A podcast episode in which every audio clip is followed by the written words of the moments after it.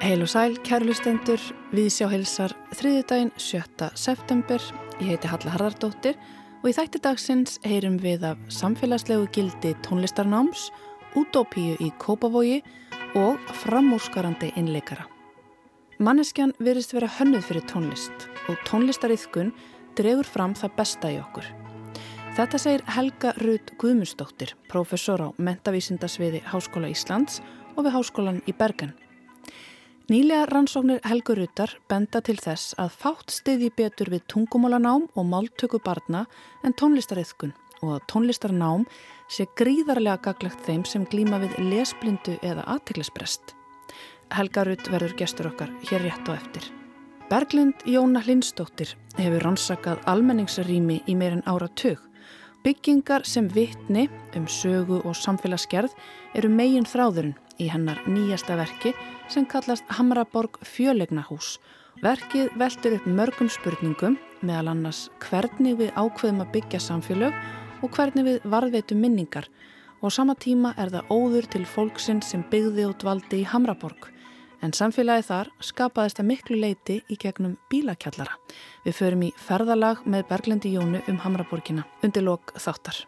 Rúsneski einleikarin Danil Trífonov einhver merkasti píjónleikari samtímans, leikur á tvennum tónleikum á vegum Sinfoníu hljómsveitar Íslands á fymtudag og lögadag. Fyrir tónleikanir verða í beitni útsendingu hér hjá okkur á Rás 1 og Guðni Tómasson ætlar að hita upp fyrir tónleikana hjá okkur í Víðsjádagsins. Saga þessa rúsneska undrabarts hér um miðbygg þáttar. En við byrjum á því að ræða við Helgu Rudd Guðmustóttur. Helga Rudd er einn fyrirlesara á ráðstefnu sem fer fram um helgina næstkomandi í hörpu Tónlist er fyrir alla. Sérs við Helgurutar er tónlistamentun á öllum skólastögum og í erendi sínu mun hún fjalla um vægi tónlistar í lífi fólks allt frá vöggu til gravar. Helga leit við hér í hljóðstofi morgun og ég byrja á því að spyrja hanna almennt út í tónlist hvort hún gerði ekki mun meira fyrir okkur en að veita okkur ánægju og velíðan. Jú, margir uh, fræðimenn bara á öllum tímum hafa talað um tónlist sem sérstaka uh, listgrein eða ja, göfugast af öllum listgreinunum og svo framvis og tónlist hefur verið talin mikilvæg bara frá öruvalda en eh, sem fræðimæður þá er stundum svolítið flókið að ná utanum þetta til að útskýra fyrir fólki því við vitum með nútíma vísindum en þá betur hvað tónlist er mikilvæg og hvað næri raun og veru inn á mörg svið mannreirar tilveru. Eins og hvaða svið? Kanski fyrsta sem okkur dettir huga tilfinningasviðið og bara hvað áhrif tónlist hefur á tilfinningar og svo framvís. En svo náttúrulega er tónlist hluti af menningunni, tónlist er listform og, og, og hérna mikilvægur þáttur í bæði daglegu lífi og, og hátíðastundum og eins og við tölum um. Mm -hmm en svo kemur alltaf betur og betur í ljós að, að því að við erum í raun og veru manneskjan virðist einhvern veginn vera hönnuð fyrir tónlist eða, eða, og, og við náttúrulega búum til tónlistina en, en um, það að stunda tónlist verðist ebla svo marga þættir, það eru félagslegir þættir mm -hmm. uh, tilfinningarlegir þættir en það er líka bara mjög líkamlegir þættir sem að eblast við bæði tónlistarlustun og tónlistariðkun. Og svo eh, svona síðustu 20 ár pluss 20-30 ár er alltaf að vera skýrar og skýrar að hvað tónlistariðkun eh, hefur mikil áhrif á heilastarðsemi okkar. Þannig að bæði að þegar heilin er alveg í mótun bara við fyrstu dögunum, fyrstu vikunum á æfinni og, og svo síðan ef eitthvað kemur upp á ef, þarf, hérna, ef eitthvað bjátar á með heilan eh, einhverju kvillar eða slikt að þá er líka tónlist mm -hmm. verist vera svo ofbáslega stert afl. Þannig að já, það eru er þetta að tala um það í stuttumáli en, en þetta er gríðarlega vitt svið. Þannig að það að líta á tónlist stundum finnst mér þegar að vera að tala um gildi tónlistar eða mikilvægi tónlistar uh, svona í viðasamhenginu mm. svo aðarnámsgrám eða einhverju svona plöggum sko, þá er verið að tala um að tónlist sé kannski bara svona valmögulegi það, það, það er í lægi að vera með tónlist eða það er bara, það er kannski svona æskilegt en ekki nöðsynlegt og eins og bara til dæmis í leikskóla mm -hmm. það, það er volið svona hugulegt að hafa tónlist en ekki nöðsynlegt en, en ef við skoðum rannsóknir þá er í raun og veru fátt í leikskóla jafn mikilvægt mm -hmm. og e, e, eins og að yrka tónlist bara fyrir helbriðan, líkamlegan, andlegan og vitsmjönulegan þroska badna og þetta er raun og veru ávið út æfina síðan. Mm -hmm. Þetta er listform en með svo praktiska einleika tónlist hefur þetta verið nótuð eins og segir frá öru valda til að kenna vísur, þulur, allt þetta hefur fyllt okkur alltaf. Já, einleikar tónlistar er þannig að e, allt sem að tengist tónlist það svona límist einhvern veginn við heilan á okkur þannig að tónlist er svolítið lím og þess vegna hefur tónlist svo mikið verið nótuð til að e, kenna fólki eitthvað sem er kannski þurft og leðilegt eða erfitt eða muna, hvernig var muna stafrófið uh, mm. og, og þá er það hérna, það er svo margt uh, sem að hérna uh, tónlist hjálpar okkur við að læra. En ef við einblínum svo bara á þann þátt að þá gleymum við eða missum við sjónar á hvað það er mikilvægt að ástunda tónlist fyrir svo bara marga þætti sem að hérna hafa, hafa með til dæmis bara vitsmun að þróska að gera. Mm og, og hérna uh, rytmi og rytmaþjálfun er eitthvað sem breytir raun og veru heilanum varanlega. Og það er gerð mjög skýr greinaminu núna í fræðunum á því hvað áhrif tónlist hefur eða hlustar á tónlist eða þegar þú yfkar tónlist. Og þess vegna uh, kannski fyrir svona 40-50 árum þá var kannski talað um að það, það væri svona hæfileikaríkasta fólki sem ætti að að fá að læra tónlist og við ætlum kannski bara svona að finna uh, þá sem væri með mestu hæfileikana mm -hmm. til þess að hérna, að því að það er dýrt að, að þjálfa fólki í tónlist, tónlistanam getur verið dýrt en uh, það er í raun og veru uh, fyrsta lagi er bara ómöld að finna át hverjir eru hæfileikaríkastir því að það, það kemur ofta óvart hverjir ná síðan langt í tónlist og auðvitað höfum við öll svona mismunandi upplag en það er afskaplega mikilvægt að þeir sem að hafa kannski ekki svo mikla eh, svona stert tónlistarlegt eh, næmiða upplag græða samt alveg gríðarlega á tónlistarþjálfun. Og, og það er eitthvað sem eh, hérna núna við erum að sjá að það að ætla bara að láta einhverja hæfileikaríka fá að yfka tónlist og spila það er svolítið miskilingur að því að bara það að hlusta gerir ákveðna hluti en það að fá að taka þátt í tónlistaflutningi saman hversu í raun veru einfaldur hann er í sin bara einfaldustu mynd að, að, að syngja saman, að, að klappa takt saman, reyfa sér við tónlist og, og gera, taka lítinn þátt í einhverju tónlistarflutningi að þetta er eitthvað sammannlegt og við mhm. sjáum þetta náttúrulega í mörgum menningar heiminn þar sem að við erum ekki búin að skip, hólfa skipta svona mikið, að það allir taka þátt í tónlistarflutningi og það verðist vera eitthvað sem að e, hefur svo mikil áhrif á það hvernig við skinnjum síðan umhverfi okkar. Mm -hmm.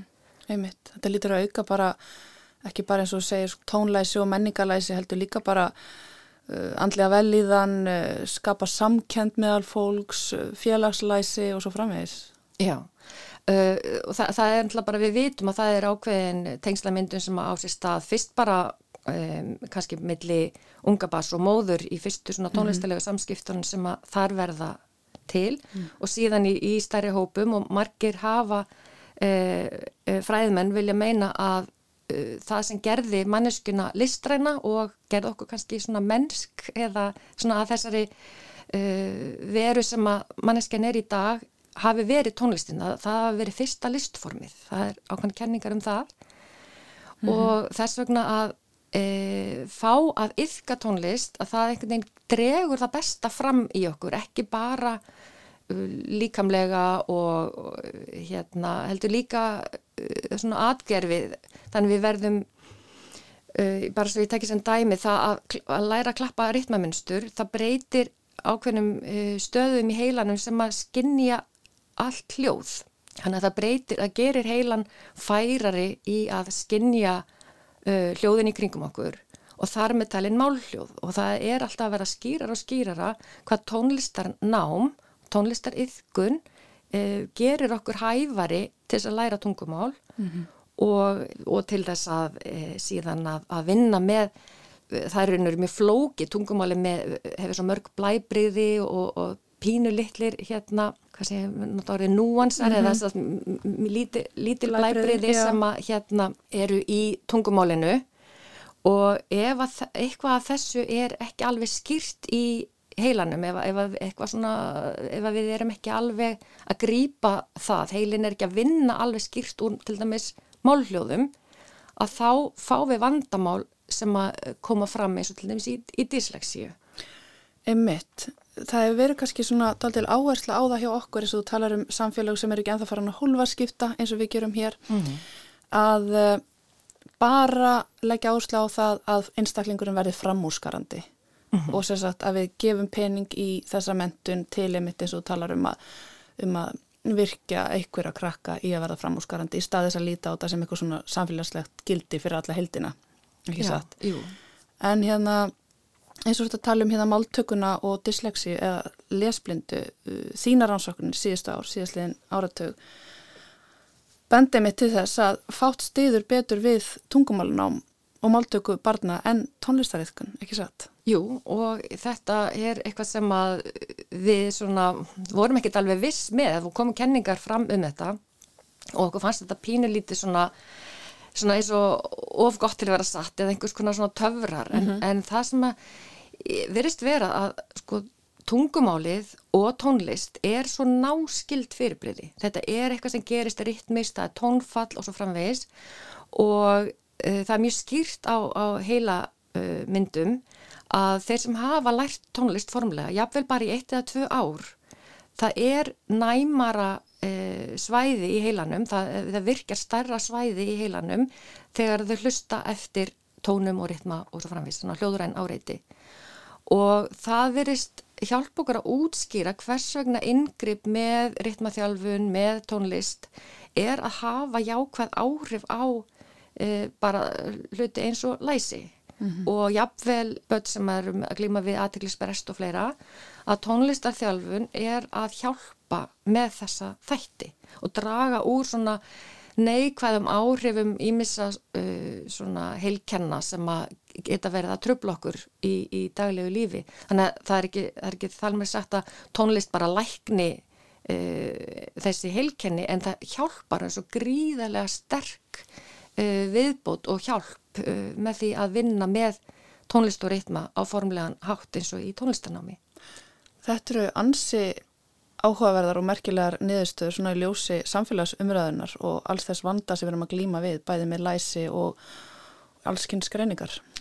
Já og líka bara, eh, sko ef það er eftir að koma í veg fyrir að fólk lendi í vandram, auðvitað eru við bara, við erum fætt með heilan sem við erum fætt með, en svo er það allt sem gerist frá því við fæðumst og e, ég vil meina að lang mikilvægst eru allra fyrstu vikurnar mánuðurnir e, og fyrstu þúsund dagarnir eins og hefur verið bent á hérna í, í rástefnum og að fræði fólki sem að tala um, um fyrstu árin mm.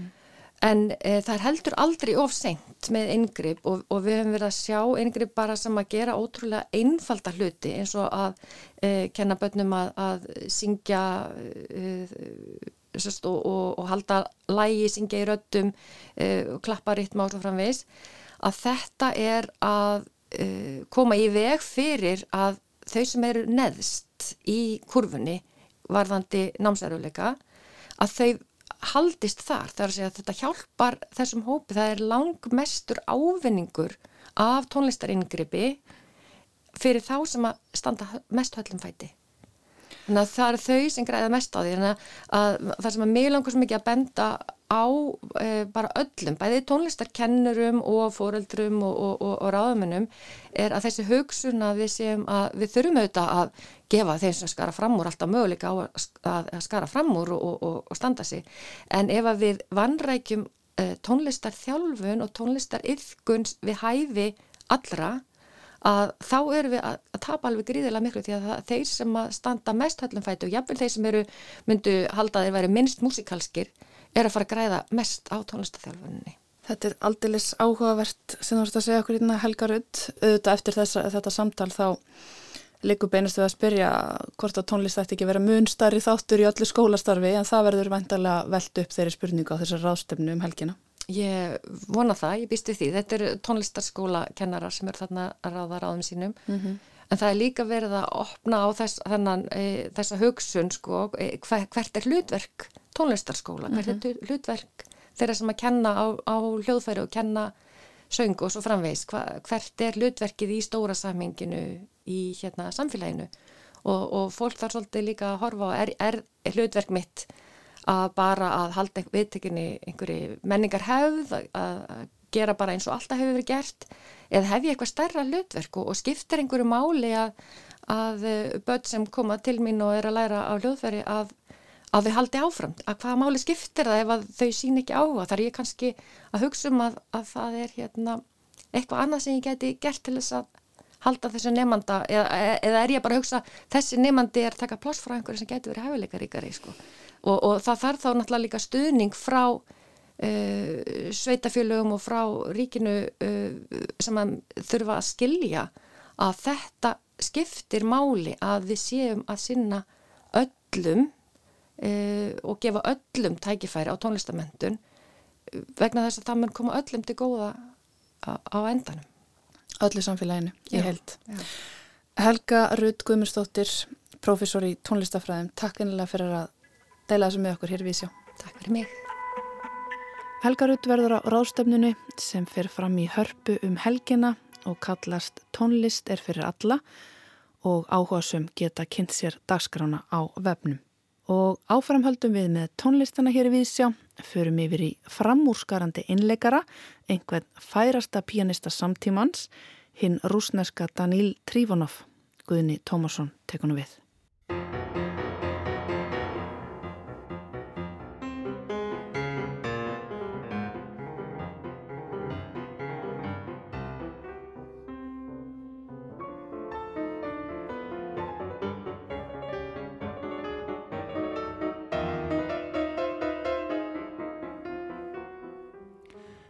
Pianoleikarin Daniel Trifanov er alin upp í rúsnesku músikmetnaði ef svo má segja.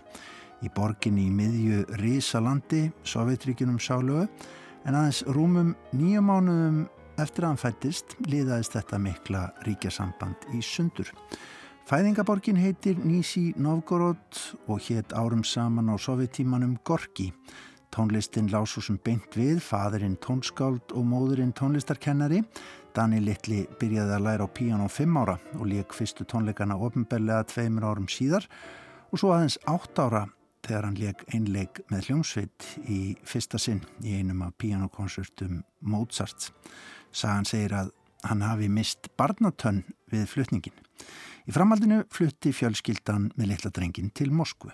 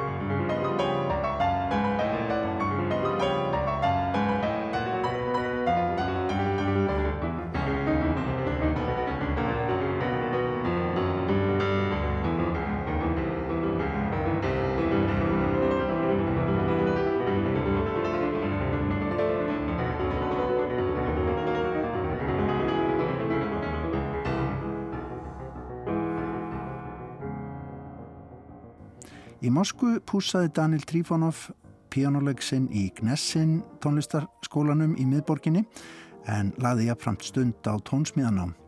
Það var síðan árið 2009 að leiðin lág yfir halvan heiminn til Klífland í bandarækjunum þar sem Trífonov innritaðist í tónlistarháskólinn í borginni til að læra hjá armönsk-ameríska pianistanum Sergei Babajan og náði sér í gráður í píjánuleikja honum um miðjan síðasta áratug.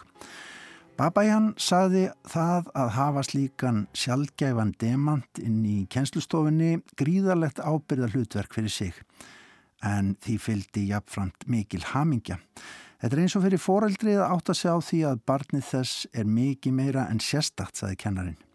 Það eru fáir tónlistamenn eins og Daniel til í heiminum í dag. Fyrir mér er hann tónlistin. Já, þetta er nokkuð sterk orð hjá tónlistamanni sem sjálfur var hlaðin velunum og lofi í gegnum árin.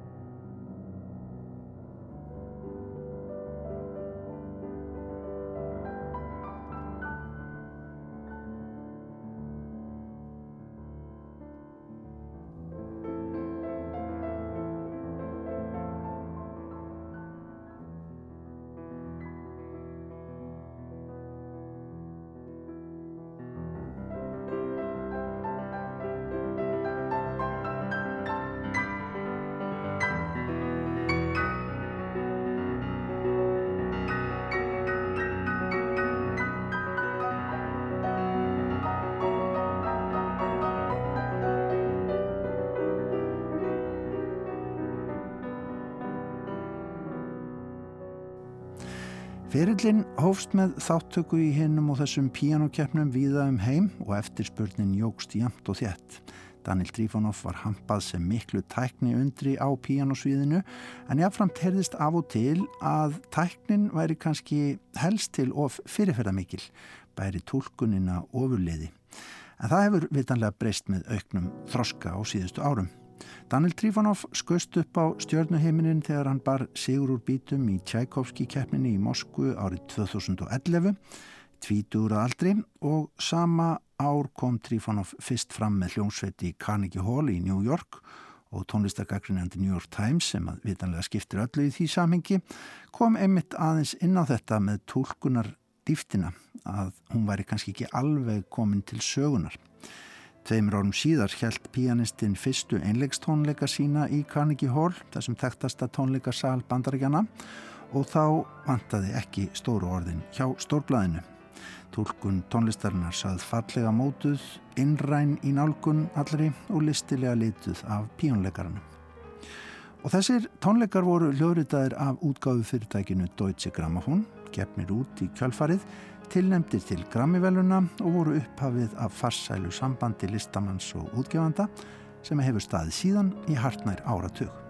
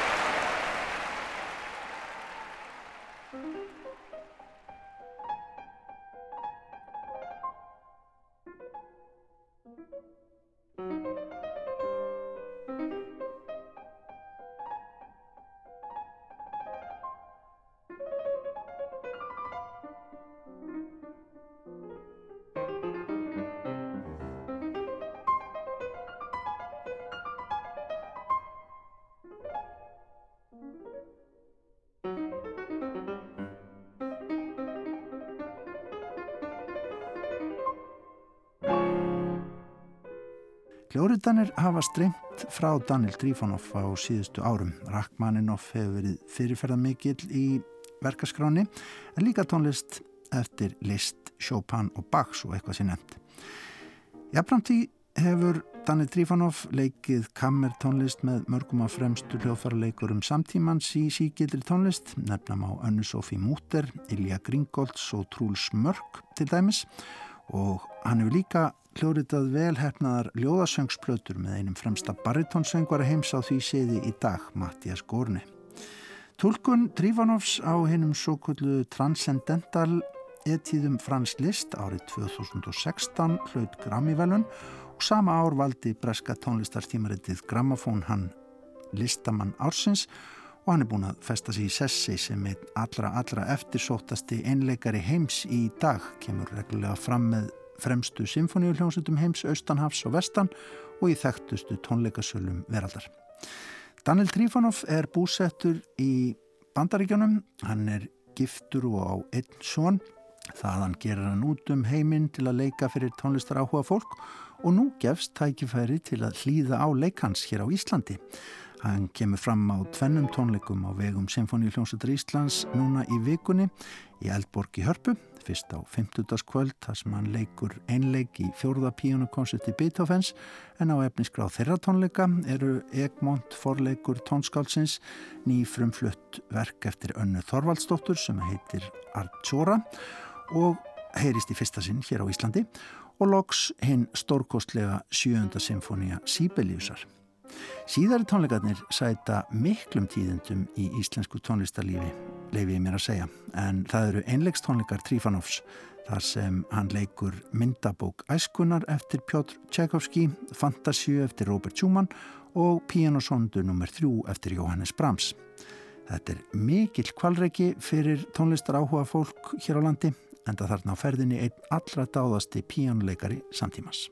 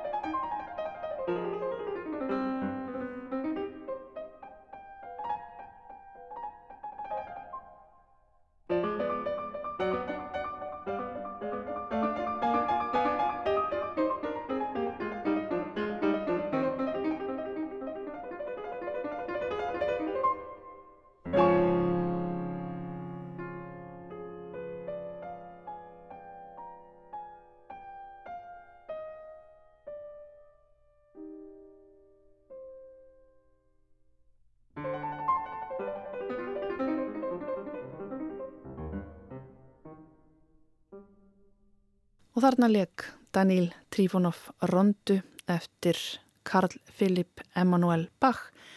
Þetta er af nýlegri blötu pianistan sem heitir Bach, The Art of Life. En þessi merkipíanisti leikur á tvennum tónleikum á vegum Sinfoníuljómsveitar Íslands á fymtudag og laugadag.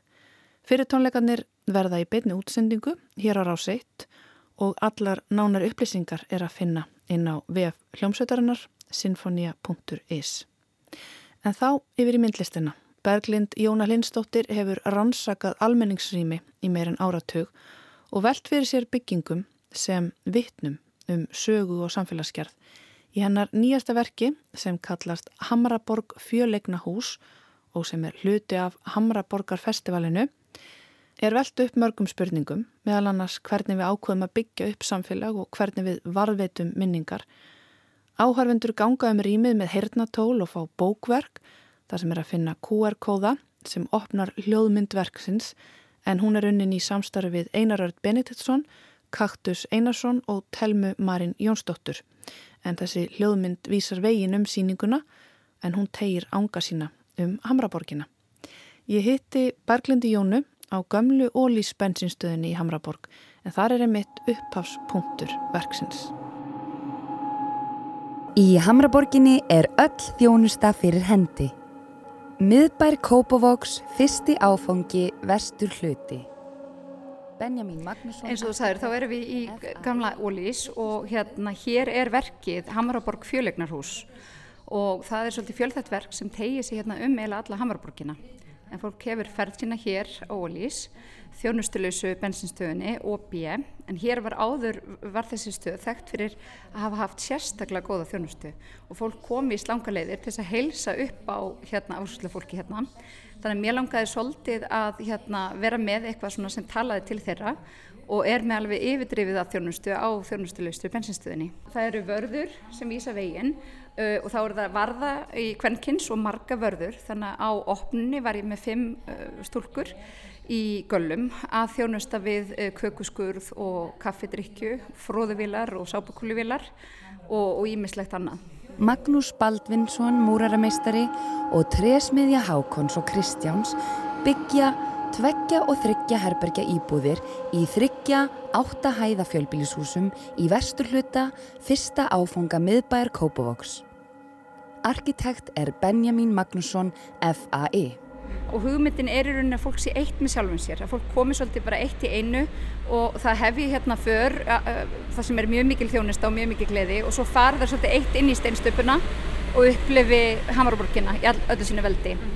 Og það er eitt sem ég langaði að nefna því við erum hér að uh, á ólistöðinni eru merkingar hérna allar hringin og þær eru svolítið svona vísanir í bæði alls konar hluti sem voru að gerast á Hamaraborgarásunni frægu sem Þóri Stengriðsson rak og er, verkið er svolítið svona til heiðus húsvarða og húsfélaga og öllum þessum ráðum og góðu ráðum sem uh, við leysum vandamál uh, næru umhverfisins með. Þannig að á kökunum hérna inni eru myndir af skipalagsstjóra og, og hérna þessum fyrstu draugum af hérna upprætti sérst miðbær Kópavóks, þetta er deilisskipalagið og mér er svolítið gaman að því nú er náttúrulega verið að tilkynna nýtt deilisskipalag á þessu svæði og mikla breytingar í gangi að minna okkur á að það hafa verið rosalega djarfar hugmyndir í Kópavogi sem voru miklu djarfari í raun og verið þær sem er að koma.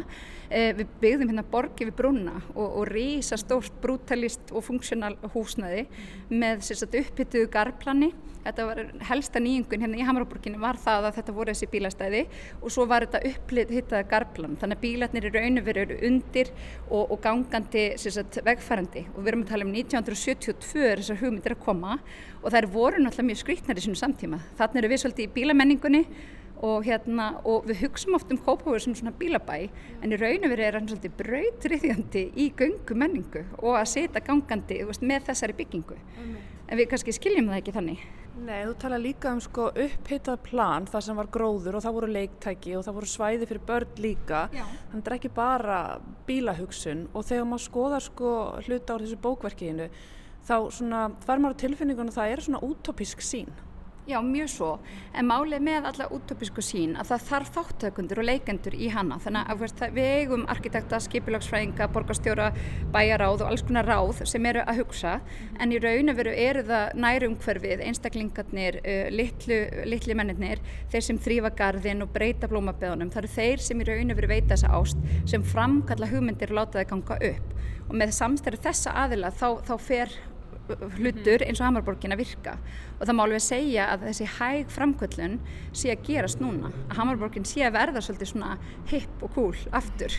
En hún í raun hefur ég hef verið að rannsaka svona viðtökur á þessu svæði upprunlega og það er talið að þetta hafi bara gengið vel sem vestlunarsvæði til þess að byrja með en svo kemur þessi grófa aðgerð sem kringlan var og hún er náttúrulega svona aðgerð sem hún setur vestlunarmiðstöð á lífæðar borgarinnar út í útkörfin og hún í raunum verið setur bæði miðbar Reykjavíku sem var nú vel gróin og þetta nýja vestlunarsvæði Kópaví á hausin og mörg fyrirtæki flytja í kringluna sem voru hér og, og þetta verður svona svolítið svona niðurnýsla hér á þessum tíma.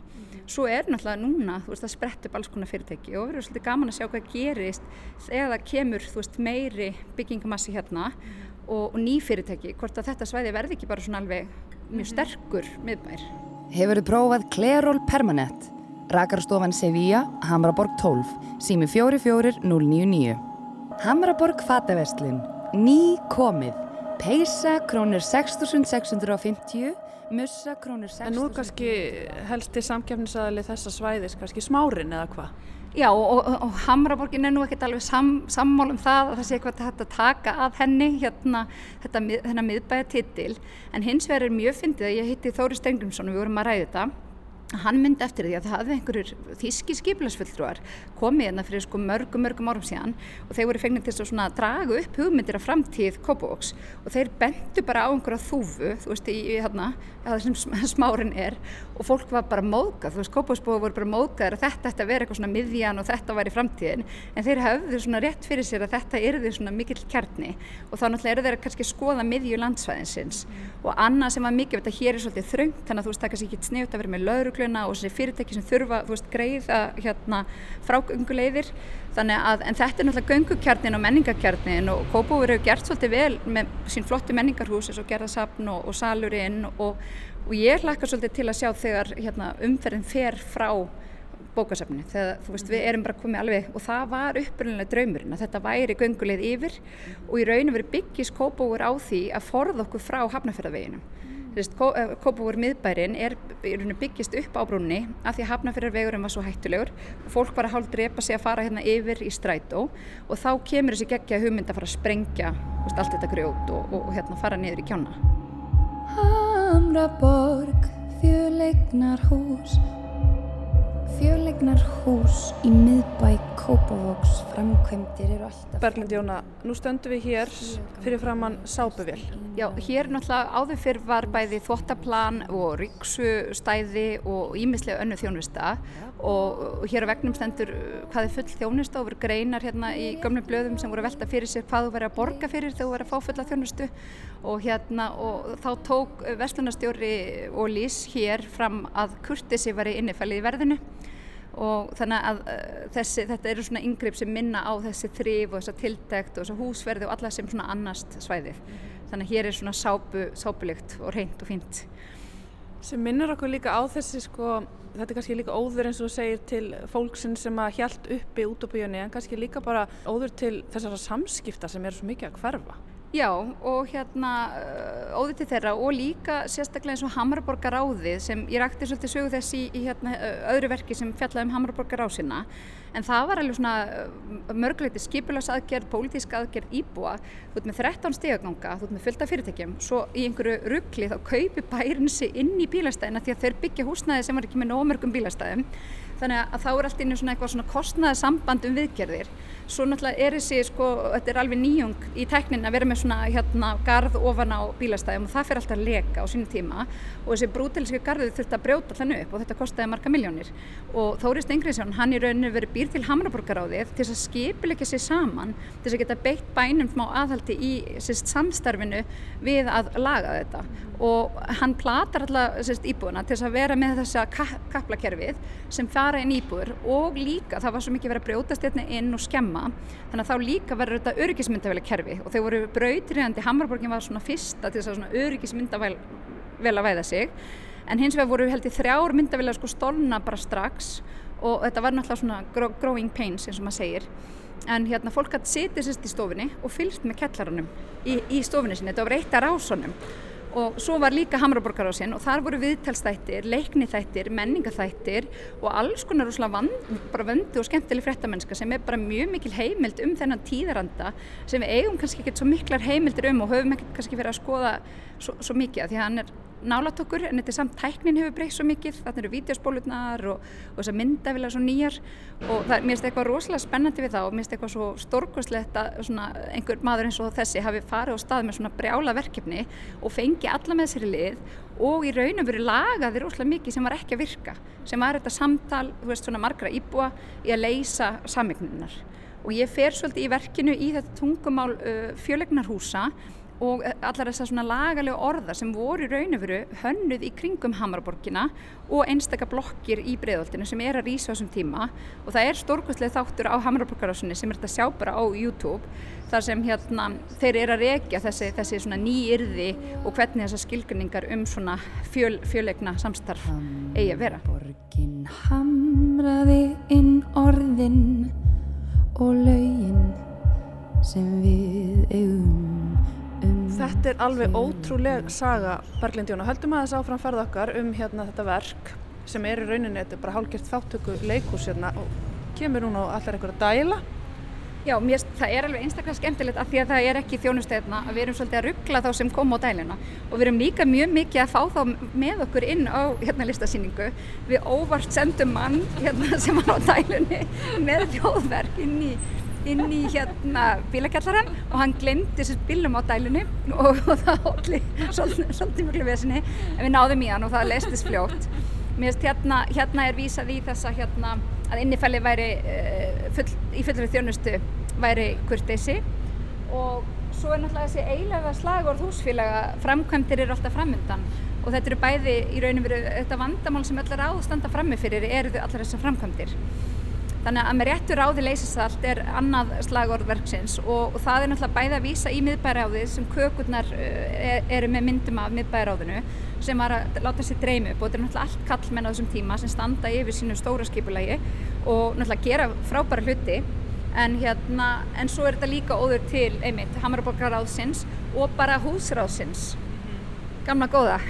Þessa magnaða fyrirbæri sem húsráðið er svo sést að fá árendur uh, já, headphone eða geta mætt með sína einn síma líka og það er svolítið gaman að taka að göngu alla hér en ég mælu allavega með að þeir sem hafa stittirtíma hlusti á hlutaverksins á staðnum af því að það er svo mögnu hljóðmynd uh, sem Einar og Kaktus gera sem alveg rífi upp að hérna inn í steinstippuna og ég var mjög lengi að hugsa hver gæti sami réttu tónlistina svo allt inni var það bara eitthvað svona innsæðist tilfinning að þetta væri, þetta væri málið.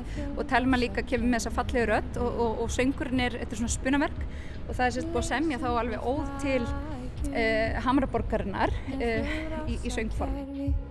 Hver ætlar að sitja í diskana? Þegar kjallarinn lekur en garðurinn Berlind, þetta er ótrúlega rannsóknarvinna sem þú hefur staðið í bara í nokkur ár og þetta er raun framhald af verkinu Hamraborgarásinni sem að þú stúdiraðir hér og síndir í Já. gerðarsafni. Hvað, svona, hvað kveikti þennan áhuga alltaf að byrja með? Í raun og veru hef ég verið að rannsaka uh, almenningsrými síðan uh, sérstaklega á þennan máta síðan 2010. Ger ég fyrsta verkið þar sem ég uppgötta að hlutur eða bygging getur sagt sögu sína og sögu okkar á ólíka máta en einn einstaklingur getur borið vittni um samfélag og mér finnst eitthvað gaman við hvað húsin ferðast um tíma þau eru vittni af mörgum tíðaranda og þá getur maður farið í svolítið svona ferðalög í, lög, í lögunum. Upprunlega byrjaðu litlum byggingum, uh, á Íslandi gerði ég söluturnin og, og, og hljóð, hérna, hljóð hérna, hérna, hljóðskálan í hljómskálagarði. Og, hérna, og það verður tekið upp á næsta ára því það er 100 ára ammali uh, hljómskálans og svo hef ég gert um klukkunalækjartorgi sem er svona lítið hlutur sem er samt staðbundin og upp úr því uppgöttaði ég að það væri líka hægt að skrifa fyrir hluti sem hreyfa sig um rými og það væri hægt að skrifa um stærri byggingar. Og fyrsta stærri byggingin sem ég tek svona alvarlega fyrir er Tottlhúsið og hún er líka á svona svolítið hliðstæð sögu að vera svona utópísk eins og Hamraborgin.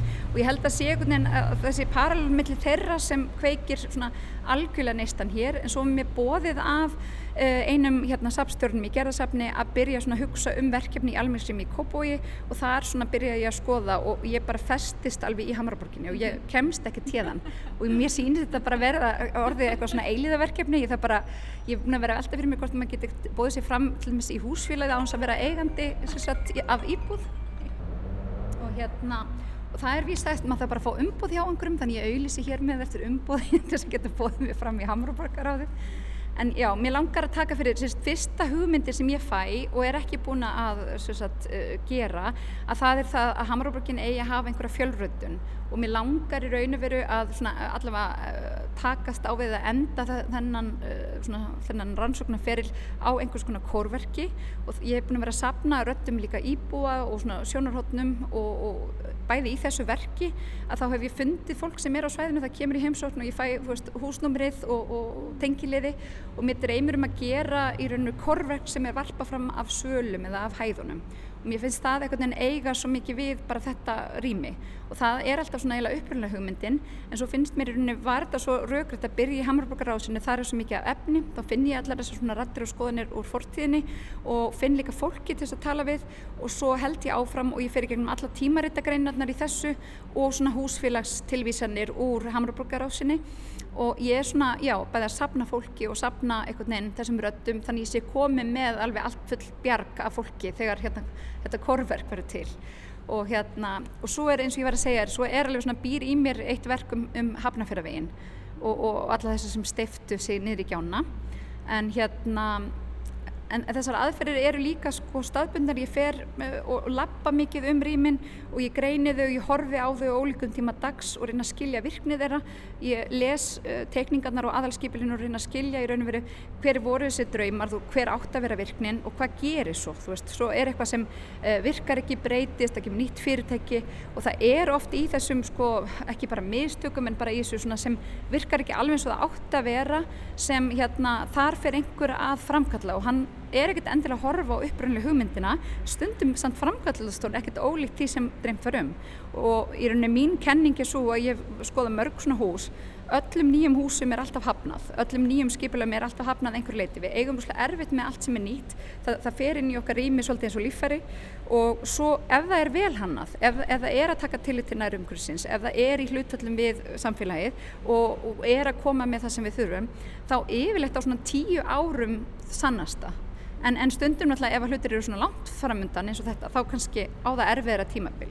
Og svo er alls konar hluti sem geta komið fyrir eins og kringlan kom mjög yllilega fyrir Hamrabrúkina veist, hún var bara svona erkja óvinnur uh, þessara vestlunarkeði og, og ég get ímyndað mig líka allir þessir hini miðbæir veist, sem við þekkjum eins og á háleitsbrutinni að þeir hafa alveg lengt í sömu á, á þessum tíma, það er bara vestlunar menningin var að breytast. Úra og skartgripaverslunin Klukkan, Hamraborg 1, sími 443320 Hárgrysslustofan Bill. Já, hér er, uh, hér er bíl sem blikkar og segir dripp, dripp, dripp og spúir reik hérna út um allt og hann er að leika sér að ýmsum hlutum en hérna hann er smá óður til bílamenningarnar og, og, þessa að hér voru þessi yfirbyggðu bílastæði en hann er líka að minna á að hennan sögufræða leka sem í rauninu var til þess að Hamraborgaráði þurfti að stopna sig og, og verða hérna að því sem það var. Og hérna og svo náttúrulega er alltaf þessi eldhætta veist sem er alltaf ákveðin svona að, að það er alltaf ákveðin umræða hjá íbúðum að þessi bensinstöð undir byggingunni. Þannig að, þetta verkir svona að tala til allra þessa þátta. En svo lifa hér allir í sátt. Bensinstöðin er búin að vera einni ára tíu og það er búin að vel hugsað um hana. Og hérna þannig að bílinn er svona smá já, smá takmynd þessara hluta Þá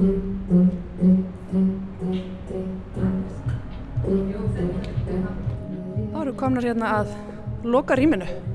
Já, hér er við komin að varskílinu og það var svolítið merkilegt að það var búið að mála fyrir alla klukka og loka þessu rými og íbúar í Hamraborginni höfði raun og ekki tekið eftir þessu. Og rosalega margir sem hafa búið hérna í mörga ár voru bara fyrður losnir því ég tók niður alla málinguna og hreinsaði upp rýmið, þetta var bara svona loku geimsla og leit bara út eins og svona hvitu veggur í rýminu og hérna er ég svolítið svona að endur heimta gamla varskilið og, og, og þessa umhyggju sem sko verðir, húsverðir og, og allir þessi sem svona hugsa um þetta rými e, tákna. Og í merkingarnar í glukkanum eru allar tengt svona já, spurningum sem tengjast húsfélögum. Samegn fjölkjara eigenda ekki henda síku og sölunum um, það er hérna. Með réttu ráði leysist allt. Já sameigandi sameign, séreigandi í húsfélagi. Og hérna rækt um gardin, þetta er af Hammarborgarásunni, það kom svona skjámynd sem segðu öllum heima hjá sér að drífa sig út og rækta gardin sinn sem er alveg ótrúlega fallegt. Og inn í rýminu spilast lægi sem er svona óður til Hammarborgarinnar og er ljóði sem var líka í Hammarborg með Hammarborg á heilanum sem Snæbjörn gaf út sem er með fullta höfundum. Og hérna Já, mér finnst eitthvað svolítið fallegt að Hamraborgin eigi bara núna sitt lag og svo er líka svona sorgalag sem Hamraborgin flyttur til Famborgar sem fer. Og hún alltaf, þú veist, maður veldi fyrir sig hvernig við varvitum minnjar frá þessum tíma. Og ein leið er kannski í einhverju svona verki, veist, sumt varvitum við í steinsteipu og annað varvitum við sem einhvers konar minningu, einhvers konar samtal. Og sam, að því að byggingin er ekki bara steinsteipan, hún er samfélagi sem bjó, samfélagi sem breyti, samfélagi sem, þú veist, tengdist í gegnum bílakettarana.